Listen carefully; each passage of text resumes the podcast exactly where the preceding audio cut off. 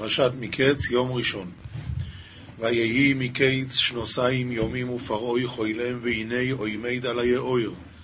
אומר תרגום, והא ומסוף תרתין שנינו פרעה חלם, והקאם על נהרה. רש"י, ויהי מקץ כתרגומו מסוף. בכל לשון קץ, סוף הוא. על היאור, איפה הוא עומד? הוא עומד על היאור, ככה הוא חולם. על היאור אומר רש"י, כל שאר נהרות אינם קרויים יאורים, חוץ מנילוס, מפני שכל הארץ עשויים יאורים יאורים בידי אדם. ונילוס עולה בתוכם ומשקה אותם. זאת אומרת, יש, נהר, יש אגם גדול, או נהר, ועושים יובלים, עושים uh, חריצים בקרקע, ועל ידי זה שהנהר, המפלס שלו עולה, אז הכל מתמלא מים. לפי שאין גשמים יורדים במצרים תדיר כשאר ארצות, ולכן היו צריכים לעשות את היאורים האלה. והנה מן היאויר אוילויס שבע פורואיס יפויס מראה ובריאויס בוסור ותראינו בואוכו והמן נהר הסלקן שווה תורן שפירן למחזי ופתימן בשר ורעיין באחווה. יפות מראה אומר רש"י סימן הוא לימי השובע שהבריות נראות יפות זו לזו, כל אחד מפרגן, שאין אין בריאה צרה בח, בחברתה. טוב, עכשיו, איפה הן רואות? באחו. באחו זה באגם, כמו יסגה אחו. בפסוק הקודם שכחתי להגיד, איפה הוא עומד? הוא עומד על היאור. זה דבר מדהים, הרי היאור זה האלוהים שלו, ואיפה הוא חולם שהוא עומד? על היאור. לעומת זאת, יעקב אבינו כשהוא חלם, מה הוא חולם? והנה השם ניצב עליו. לא, הוא חס וחלילה ההפך. מה ההבדל? אומר רבי ירוחם, גוי עובד את האלוהים שלו, אבל זה הכל בשביל לקבל. זה הכל איך היא תמצי שיהיה לו טוב. הוא לא עובד בתור עבד. בעצם, האלוהים זה הכספומט שלו. הוא דורך עליו. העבודה המתבקשת מיהודי זה להיות עבד השם, והנה השם ניצב עליו. זה נכון שגם לנו יש, ודאי, ודאי שיש לנו שכר, לא גם, לנו יש שכר, אבל לא זו העבודה. העבודה היא להיות עבד. השם ניצב עליו, להבדיל מפרעה, שהוא עומד על היאור. והנה שבע פורויס אחרויס אוי לא ישכר יהן מן היאור רועיס מראה ודקויס בוסור ותעמוידנו אצל הפורויס על שפס והשווה תורן אחרניין סלקן בטריון מן נהרה בישן למחזי וחסירן בשר וקמן לכבליהון דתורתא על כיף נהרה רש"י ודקות בשר לשון דק, תינביש. טוב. ותאכלנו הפורואיס רואיס המראה ודקויס הבוסור איס שבע הפורואיס יפויס המראה והבריאויס ויקץ פרעוי ואכלן תורת הבישן למחזי וחסירן בשר. יד שווה תורת השפירן למחזי ופטימתה ויתהר פרעו ותאכלנה? סימן שתהי כל שמחת השובע נשכחת בימי הרעב. וישון ויחל עם שניס, והנה שבע שיבולים אוילויס בקונה אחד, בריאויס ותויבויס, ודמוך, ואכל המתניינות והשווה שובליה, סלקן בקן יחד, פטימן וטבן. רש"י בקנה אחד, טוידל בלעז, בריאות, שיש בלעז. והנה שבע שיבולים, דקויס ושדופויס קודים, צוים חויס אחריהן. והשווה שובליה לקיה ושקיפן קידום צמחן בת ריהון ושטופות ושקיפן קדום, חבוטות, לשון משקוף, החבוט תמיד על ידי הדלת המכה עליו, המשקוף זה ה... קדים, רוח מזרחית שקוראים באישה. זהו. נביאים, מלכים א', פרק ג', פסוקים כ"א עד כ"ד, אנחנו ממשיכים את הסיפור של אותם שתי נשים שבאו לדין תורה אצל אה, שלמה המלך כשהוא רק קיבל את המלוכה.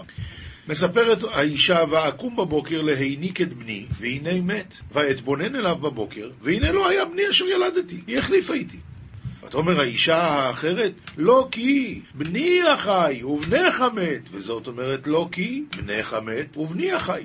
ותדברנה לפני המלך. ויאמר המלך, זאת אומרת זה בני החי ובנך המת. וזאת אומרת, לא כי בנך המת ובני החי. אתם שמים לב מה קרה פה? שלמה המלך כבר ידע את הפתרון. זאת אומרת, זה בני החי ובנך המת. וזאת אומרת, לא כי בנך המת ובני החי. מה היא אומרת קודם? הבן שלך מת. הוא כבר פה ידע את הפתרון. ויאמר המלך, קחו לי חרב, ויביאו החרב לפני המלך. את ההמשך אנחנו נקרא מחר, אבל העיקר, יש כאן סיפור מאוד יפה על האדמו"ר מגורה עם אמס. הוא הלך פעם לעשות איזה, להיות סנדק באיזה ברית, בבית של עשיר. איך שהוא נכנס, הוא ראה תמונה של משפט שלמה על הקיר. רואים בתמונה הזאת מלך יושב על כיסא רם, רם ונישא, ועומדות שתי נשים. עומד חייל שיש לו ביד אחת חרב וביד השנייה תינוק. איך שהאדמו"ר ראה את הציור הזה, הוא אמר זה לא נכון הציור. למה? אמר זה פשוט. כתוב שהחרב הייתה לפני המלך, וזה מוכרח שהחרב הייתה אצלו, אצל המלך ביד. ביד, כי אם החרב הייתה ביד של החייל, והמלך אמר לחתוך את התינוק, והן צועקות לא, לא, לא, כן, לא, כן, לא, מי אתם שתגידו? המלך אמר לחתוך, אז הוא היה צריך מיד לחתוך. מוכרח שהחרב לא הייתה בידיים של החייל, אלא ביד של המלך. כתובים, אנחנו אוחזים במשלי פרק ט', פסוקים ג' עד ו'. שלחה נערותיה תקרא על גפי מרומי כרת. הכוונה, התורה שלחה נערותיה תקרא. מי זה נערותיה? או אדם וחווה. דבר אחר אומר רש"י, משה ואהרון. תורה שלחה אותם לקרוא על גפי מרומי קרת ממגבוה, מה לקרוא? מי פתי אסור הנה, חסר לב, אמרה לו. אומר רש"י, מי פתי אסור הנה, וילמוד אותי ויחכם. אפילו האדם שהוא פתי, אם הוא לומד תורה, התורה מחכימה אותו. שנאמר, תורת השם תמימה משיבת נפש, עדות השם נאמנה מחכימה, פתי. לכו לחמו בלחמי ושתו ביין, ביין מסכתי. מה זה? ביין שמזגתי. עזבו פתאים וחיו וישרו בדרך בינה.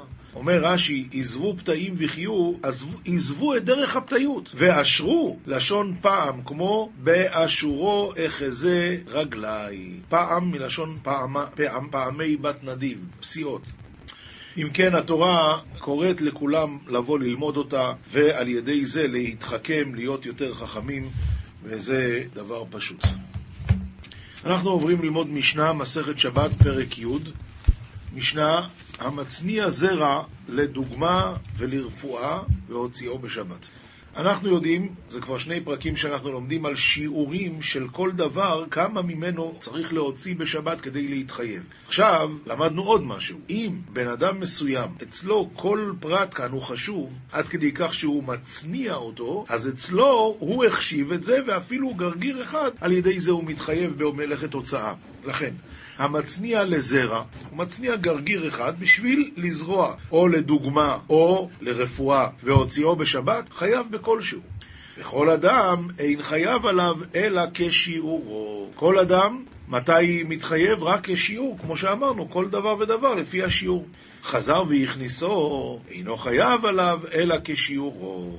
למה? כיוון שאתה רואה שהוא חזר בו. הרי למה הוא הצניע את זה? כדי שהוא יוכל להראות את זה בשבת. הוא לקח, אחרי זה הוא הכניס חזרה. זאת אומרת שהוא חזר בו מההצנעה, מזה שהוא נתן לזה חשיבות.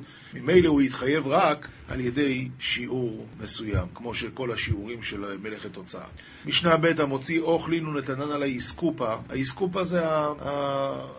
מפתן הבית. עכשיו, המפתן עצמו יש לו דין של כרמלית. הוא לא רשות היחיד והוא לא רשות הרבים. אז אם הוא שם את זה על האיסקופה, יוצא שהוא לא עשה מלאכת הוצאה, כי מלאכת הוצאה זה עקירה מרשות היחיד והנחה ברשות הרבים. כאן הוא לא עשה את המלאכה הזאת, כי הוא שם את זה על האיסקופה, בכרמלית. לכן, בין שחזר אחרי זה והוציאן לרשות הרבים, בין שהוציאן אחר, בכל מקרה פטור, מפני שלא עשה מלאכתו בבת אחת. אין כאן עקירה מרשות היחיד והנחה ברשות הרבים.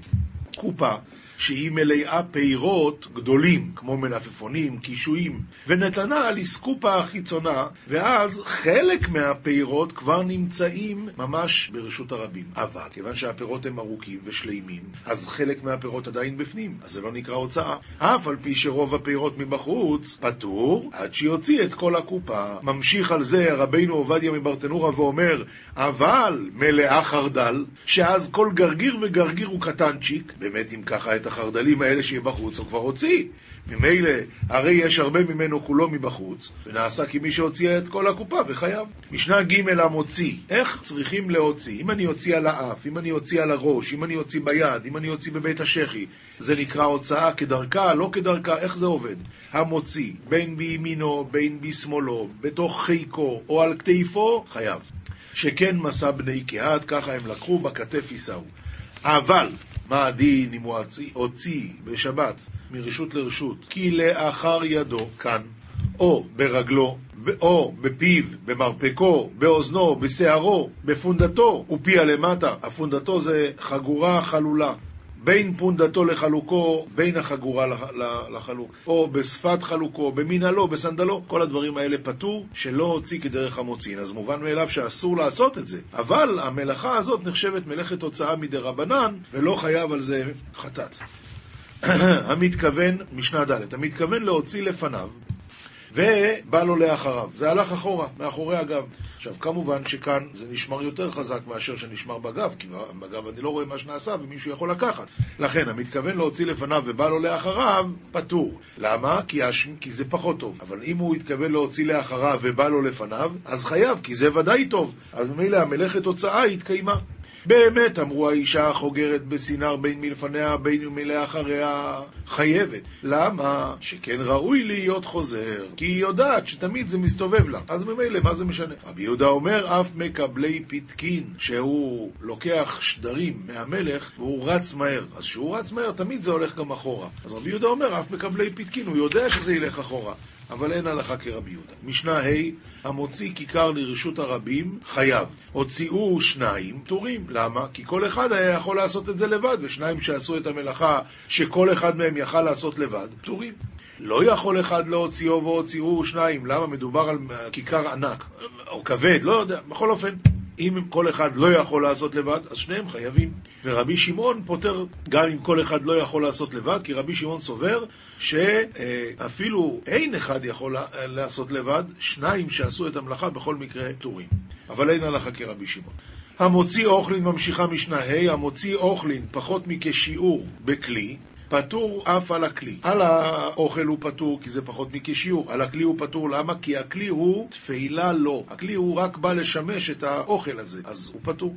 אם הוא הוציא את החי במיטה, פטור אף על המיטה, שהמיטה תפילה לו. אם הוא הוציא את המת במיטה, חייב. למה? כי את המת, המת לא סוחב את עצמו, אז זה ממש אה, מלאכת הוצאה. וכן כזית מן המת וכזית מן הנבלה וכעדשה מן השרץ, כל הדברים האלה חייב. ורבי שמעון פוטר. למה אם הוא הוציא כזית מן המת, זה, זה, הדין הוא שזה נקרא מלאכת הוצאה, כי כזית מן המת מטמא כבר. אז אם זה מטמא, אז זאת אומרת שזה מלאכת הוצאה חשובה, והוא רוצה להציל את עצמו מן הטומאה, ולכן הוא מוציא, ולכן הוא חייב. משנה ו' הנוטל ציפורניו זו בזו או בשיניו. עכשיו, וכן שערו, וכן שפמו, וכן זקנו, וכן הגודלת, וכן הכוחלת, וכן הפוקסת. רבי אליעזר מחייב חטאת, וחכמים אוסרים רק משום שבות. למה? כי הגודלת, הגודלת זה אחת שמסדרת את השערות. היא עושה קוקו, לא קוקו, עושה צמא, צמא. וכן הכוחלת, היא עושה אה, צבע על העין. וכן הפוקסת, זה עוד משהו כזה, היא עושה לא יודע בדיוק מה. בכל אופן, רש"י אומר, הרב, הרב אומר, פוקסת מחלקת שיער שבאמצע הראש מכאן ומכאן אצל הצדעים. אז זה מלאכת בונה. אז רבי אליעזר מחייב חטאת, וחכמים אומרים שזה רק שבות. כל זה כמובן לגבי העניין של גודלת, כוחלת, פוקסת. אבל, אומר רבינו עובדיה מברטנורה, אבל הנוטל שערו או ציפורניו בכלי, מודים חכמים דחייב חטאת, ומקיא נטל שתי שערות חייב. והנוטל שיער ראש חברו, אפילו ביד, חייב. וציפורן שפרשה רובה, או שיער שנתלש רובו ומצער אותו, מותר ליטול ביד לכתחילה, וכדאי ללמוד את ההלכות של זה. כי זה דבר שהוא אה, זמין בשבת הרבה פעמים. התולש מעציץ נקוב, חייב. עציץ נקוב, אז הוא בעצם יונק מהאדמה, זה כאילו ממש מלאכת תולש. ושאינו נקוב, פטור. למה? כי זה לא מחובר לאדמה. אבל רבי שמעון פוטר, בזה ובזה, ואין הלכה כרבי שמעון. זהו. עכשיו נעבור לגמרא, מסכת שבת. גמרא, מסכת שבת, דף צדיקי עמוד א'. רב נחמן בר גוריה איקלה לנהר דוי. באו מיני חולב משום מי מחייב. מה הסיבה שאדם שחולב בהמה בשבת חייב? איזה סעיף אתה מלביש עליו? אמר לו משום חולב. מחבץ משום מי חייב? מחייב. אמר לו משום מחבץ. מגבן משום מי מחייב? אמר לו משום מגבן. אמרו לי רבח קטיל קני באגמא הווה. רש"י מסביר, קטיל קני באגמא, חותך קני מן האגם הווה. לא ידע לפרש המשנה, מה ככה לימדו אותך? זה מכבד? מה פתאום?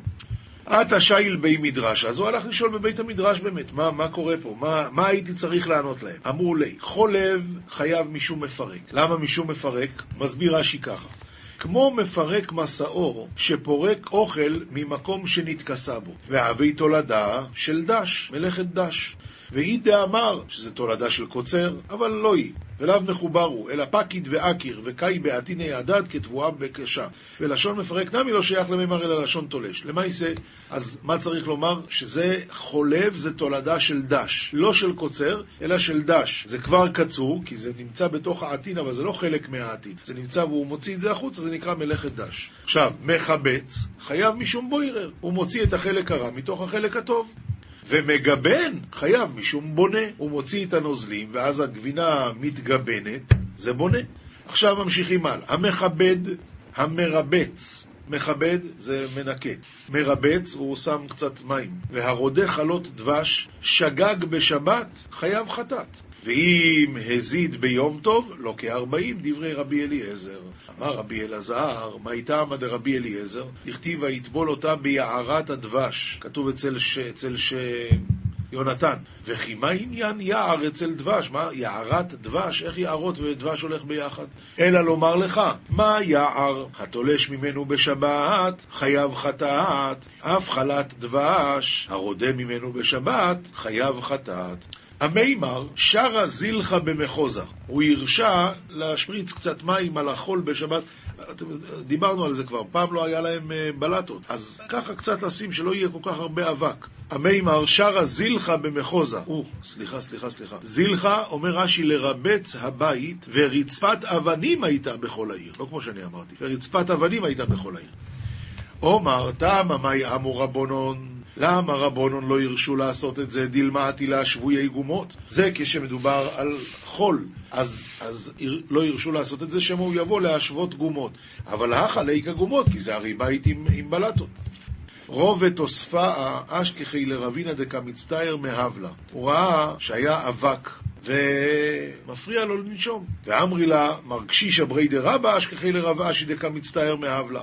הוא אמר לי, לא סבר למר לעד דתניא, הרוצה לרבץ את ביתו בשבת, מביא עריבה מלאה מים ורוחץ פניו בזווית זו, ידיו בזווית זו ורגליו בזווית זו, ונמצא הבית מתרבץ מאליו. זאת אומרת, חכמים אסרו לרבץ, אבל זה גזרת חכמים. אבל מה הם כן הרשו?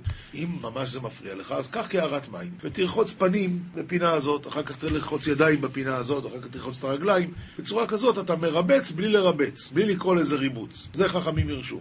אמר לי, לאו הדעתי. זאת אומרת, לא זכרתי את זה. יש פירוש אחר, אני לא סובר כמותם. תנא, אישה חכמה מרבצת ביתה בשבת. אם היא אשת תלמיד חכם, או שהיא בת של תלמיד חכם, אז הדין הוא שהיא עושה, כמו שאמרנו, את הפטנט הזה. רוחצת ידיים פה, רוחצת רגליים שם. והעידנא דסבירא לן כרבי שמעון, אז שריה אפילו לכתחילה. שמה? שרבי שמעון סובר שהדבר שאינו מתכוון מותר, והרי המרבץ הוא לא מתכוון לעשות כאן, אה, להדביק את האפר להשוות גומות, הוא רק רוצה שלא יהיה אבק, אז ממילא שרי אפילו לכתחילה. מיקלס דף קצ"ק ווב, עמוד ב', זוהר. כאן הזוהר קצת גבוה היום. אנחנו נקרא, נסביר מה שנסביר, נבין נבין, לא נבין, אז אולי בעולם הבא נזכה שיסבירו לנו. פתח רבי שמעון ואמר, כתיב ראה חיים עם האישה אשר אהבת. תוך חזי, היקרא ברזה עילה האיהו. בוא תראה, הפסוק הזה מדבר על דברים גבוהים, סוד עליון. והוקמוה, וכבר הסבירו את זה. ראה חיים אילין חיים דעלמא דעתי. מדובר על החיים של העולם הבא. דזכה וברנש דזכו בהו כדקייהו. אשרי האדם שזוכה בחיים של העולם הבא כראוי. אם אישה אשר אהבת, דע כנסת ישראל.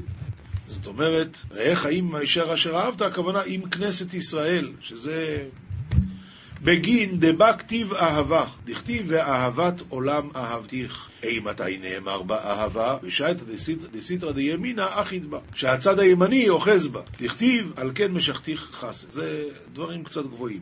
כל ימי חיי אבלך, כתוב בקהלת, ראה חיים האישה אשר אהבת, כל ימי חיי אבלך. אז מה הכוונה? בגין דאי התקשרת בחיים. השכינה נקראת הבל כי היא קשורה בחיים, והיא עולם דחאין שריין בה. וזה העולם, ואז היא עולם שהחיים שוכנים בו. דהעלמא דא לה שריין בי חיים. הרי העולם הזה לא שוכנים בו החיים, בגין דאינון תחת השמש, כי זה נקרא תחת השמש, ולא מתן נחה אינון נהורין דהוא שמשה. לכאן לא מגיעים אותם האורות של השמש. והסתלקו מעלמא מיומא דהתחריב בית מקדשה. כאן אין את זה מאז שנחרב בית המקדש. תכתיב חשך השמש בצאתו וגומר. מהי חשך השמש? דסליק נהורי ולא נעיר. שהאור הזה הלך מכאן ולא מאיר. כמה דעת אמר, כמו שנאמר, הצדיק עבד וגוימר. כי הוא חלקך בחיים, גם זה המשך של אותו פסוק, איך חיים עם האישה אשר אהבת, כל ימי חיי אבלך, כי הוא חלקך בחיים. דא הוא שימשה בסיירה, זה החיבור של השמש עם הירח, ובאינן למי על סיירה בשימשה ושימשה בסיירה דלא להפרש אלון. אני לא מבין את זה, אז אני קורא מהר. ודאו חולקא דבר נש למי אלבהו לעלמא דעתי, וזה החלק של האדם להיכנס בו לעולם הבא. השמש עם הירח והירח עם השמש. מה כתיב בתרי? כל אשר תמצא ידך לעשות בכוחך עשה, כי אין מעשה בחשבון ודעת וחוכמה בשאול אשר אתה הולך שמה. הפסוק הזה, היקרא, אית להסתכל בי, צריכים להתבונן. כל אשר תמצא ידך לעשות, וכי הותרה רצועה למעבד ברנש כל מדי יכיל? מה, מותר? מה שבא לך? אלא לעשות בכוחך כתיב. מהי בכוחך?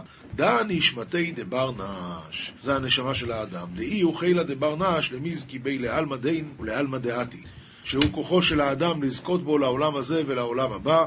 דבר אחר בכוחך דא, היא אישה דקאמרן, זה האישה שאמרנו, הכוונה כנסת ישראל. דאי חילה לי תקפה בי בעלמא דין ובעלמא דעתי. היא כוחו של האדם להתחזק בו בעולם הזה ובעולם הבא.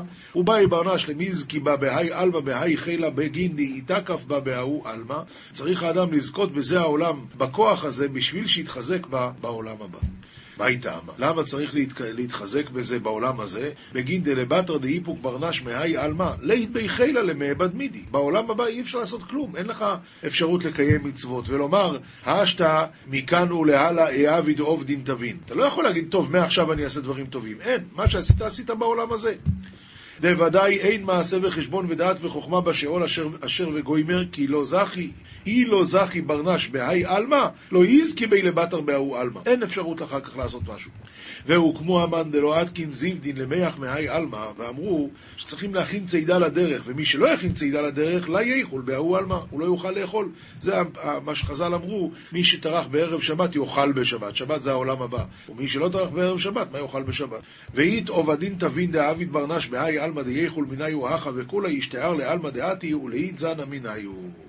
יש מעשים שאדם עושה בעולם הזה, הוא אוכל את הפירות שלהם, והקרן נשארת לו לעולם הבא. תוך חזי, יויסף זכה בהאי עלמא וזכה בעלמא דעתי. הנה למשל יוסף הצדיק, זכה גם בעולם הזה וגם בעולם הבא. בגין דבאי להתאחדה באישה יראת השם, כי הוא רצה להתאחז באישה יראת השם, שזה מידת המלכות, כמו דעת אמר, וחטאתי לאלוקים, אלוקים זה מידת המלכות. ובגין כך זכה למשלט בהאי עלמא וזיכלון לישראל. מה הכתיב? וילקט יוסף את כל הכסף, ואחי יתחזה, כך צריך להיות, דההוא נהר דנגיד ונפיק אי ולקית קולה. אותו הנהר שמושך ויוצא ממידת החסד, ממידת היסוד, הוא לוקט את הכל, שמקבל מהספירות שלמעלה ממנו, וכל אוטרא בי קיימא, כל העשירות נמצאת שם, ודאו רזה דכתיב, ויתן אותם אלוקים ברכי השמיים, וכולה אי הוא כדקייאות, דוודאי יוסף באי למשלט על מלכותא. ותא חזי, כתיב וירכב אותו במרכבת המשנה. שואל הזוהר, מן מרכבת המשנה? עונה הזוהר, קודשא בריחו, עביד לילה צדיק שליטה, ש, שליטה בגין דאמיני ידזן עלמא. הוא נותן לו שליטה להיות שליט כאן בעולם הזה, כי ממנו ניזון כל העולם, ואיצטריך לאידזנה, והעולם צריך מזונות, אז השם נותן לצדיק שליטה. וקודש הבריחו איתלי רתיחה אילאה, יש לו מרכבה עליונה לקדוש ברוך הוא, ואיתלי רתיחה תתאה, יש לו גם מרכבה תחתונה. רתיחה תתאה היא מרכבת המשנה. ויוסף צדיק איקרי, ולי יתחזה למהבי רכיב על מרכבת המשנה אשר לא לקודש הבריחו, וכולה אי הוא ברזה הילה למהבי כי גבנה דלעילה. הכל פה בסוד העליון כמו שדיברנו למעלה. אז כמה זה סוד, זה סוד. הלכה פסוקה רמב"ם, הלכות עבודה זרה, פרק י"ב. כאן הרמב"ם מדבר על עניינים שאסור לעשות מצד לא תקיפו פאת ראשכם. אין מגלחים פאת הראש כמו שהיו עושים עובדי גילולים. שנאמר לא תקיפו פאת ראשכם, וחייב על כל פאה ופאה. לפיכך, המגלח שני צדעיו, אפילו בבת אחת, והתראה אחת, לא כשתיים, כי כל פאה ופאה זה איסור בפני עצמו. אחד המגלח הפאות בלבד, ומניח שיער כל הראש, ואחד המגלח כל הראש כאחד, בכל מקרה לוקה, הואיל וגילח את הפאות. במה דבורים אמורים באיש המגלח? אבל איש המתגלח אינו לוקה, אלא אם כן סייע למגלח, הוא הזיז את הראש ככה, ככה, אז, אז הוא לוקה. אבל אם הוא לא עשה כלום, רק המגלח, אז המגלח חייב. והמגלח את הקטן, לוקה. הלכה ב' האישה שגילחה פאת ראש האיש, או שנתגלחה, פטורה. שנאמר לא תקיפו פאת ראשכם ולא תשחית את פאת זקניך. כל שישנו בבל תשחית, ישנו בבל תקיף. ואישה שאינה בבל תשחית לפי שאין לה זקן, אינה בבל תקיף. לפיכך, העבדים, הואיל ויש להם זקן, אסורים בהקפה. הלכה ג' כל מצוות לא תעשה שבתורה, אחד אנשים ואחד נשים חייבים, חוץ מבל תשחית ובל תקיף, ובל יטמא כהן למתים. כהנת מותר לה להיטמא. וכל מצוות עשה שהיא מזמן לזמן ואינה תדירה, נשים פטורות. חוץ מקידוש היום, ואכילת מצה בלילי הפסח, ואכילת הפסח ושחיטתו, והקהל ושמחה, שבכל המצוות האלה, למרות שזה מצוות עשה שהזמן גרמה, נשים חייבות. מוסר מספר חרדים, דף ס"ח עמוד א', כתיב, הנחמדים מזהב ומפז רב. בא להלהיב לב העם, זהב להם הממלאים בתיהם כסף. שבעולם הבא מטבע הזהב והכסף הגשמי בטל. אינו שווה כלום, לכן הזדרזו לזהב ולכסף אשר שם להוליך בידם. שם יש זהב וכסף מסוג אחר. והיינו דאמרו אבותינו זיכרונם לברכה, צדיקים מסגלים תורה ומצוות ומעשים טובים. וכן האוהבי תענוגים התלהב ליבם לבקש להם תענוג, דכתיב ומתוקים מדבש. אז המצוות זה הזהב והכסף שלוקחים לעולם הבא, ובזה צריכים להשקיע יותר. כתיב, את האלוקים יתהלך נוח, היינו שהיה מתבודד עם יוצרו ואין לו חברה עם בני אדם. אי נמי, מרוב הרגלו בהתבודדות, אף שהיה בתוך בני אדם, לא היו מטרידים דעתו כי היו כלא בעיניו.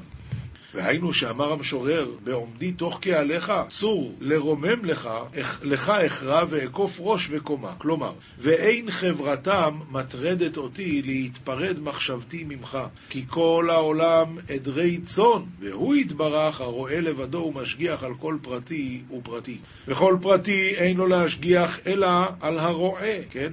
הרועה משגיח על כולם, אבל כל כבש, אכפת לו רק מה שהרועה אומר. כי הכל שווין לפניו ואין יתרון לזה מזה, והיינו דאמר דוד המלך עליו השלום, השם רואי לא אחסר, כי איני חסר כי כולנו שווין, וכמו כן אם הוא רואה אותי בפרטות כמו לשאר ברואיו. גם כי אלך בגיא צל מוות לא ירא כי אתה עמדי, ואין מי שיוכל להזיקני בלא רשותך. ומי שמכה היא הרצועה ושבט שהרועה מכה אותי בה. על דרך, הוי אשור שבט אפי. וכתיב, אמר לו כלל את דוד, ואם כן שבטך ומשענתך, אימה ינחמוני. מתכוון כאן למה שהיה עם דוד בסוף ימיו, כשאבשלום רדף אותו וכולם הלכו עם אבשלום ורק היה לו מעט אנשים שהלכו איתו, אז בא אה, שמעי בן גרה וקילל אותו קללה נמרצת את דוד. אבישי בן צרויה, שהיה אחיין של דוד המלך, אח של יואב, אמר לדוד, למה יקלל הכלב המת הזה את אדוני? אני אעבור ואני אסיר את ראשו מעליו. אמר לו דוד המלך, מה לי ולכם בני צרויה כי יקלל, כי השם אמר לו כלל, ומי יאמר לו מה תעשה? לזה אומר ספר uh, חרדים, גם כי אלך בגיא מוות לא יירא רע, כי אתה עמדי, ואין מי שיוכל להזיקני בלא רשותך. ומי שמכה, זה רצועה, זה שבט שהרועה מכה בי. אבל זה הרועה מכה, זה לא הרצועה. לכן גם כתוב, הוי אשור שבט אפי, שאשור, הם אמנם עשו צרות גדולות לעם ישראל, אבל זה לא הם, זה השם. ואותו הדבר, מה שדוד אמר, השם אמר לו כלל את דוד. אם כן, שבטך ומשענתך, הימה ינחמוני, זה אומר הבעל שם טוב, או שזה בעל התניא אומר, שמה זה שבטך ומשענתך, הימה ינחמוני? זה שאתה עדיין מטפל בי, זה מה שמנחם אותי. יש אחד מגיע לבית חולים והרופא אומר לאשתו, תביאי לו מה הוא אוהב, סיגריות אה, מלבורו אדום, תביאי לו שיעשן. למה? אין לו סיכוי, אז בשביל מה? שיהנה וזהו. השני, הרופא מתחיל לצעוק, תעשה דיאטה, תפסיק לעשן, תפסיק לאכול. מה קרה? אליו הרופא מתאכזר, אבל זה סימן שיש לו סיכוי. ככה גם פה, שבטך ומשענתך, הימה ינחמוני.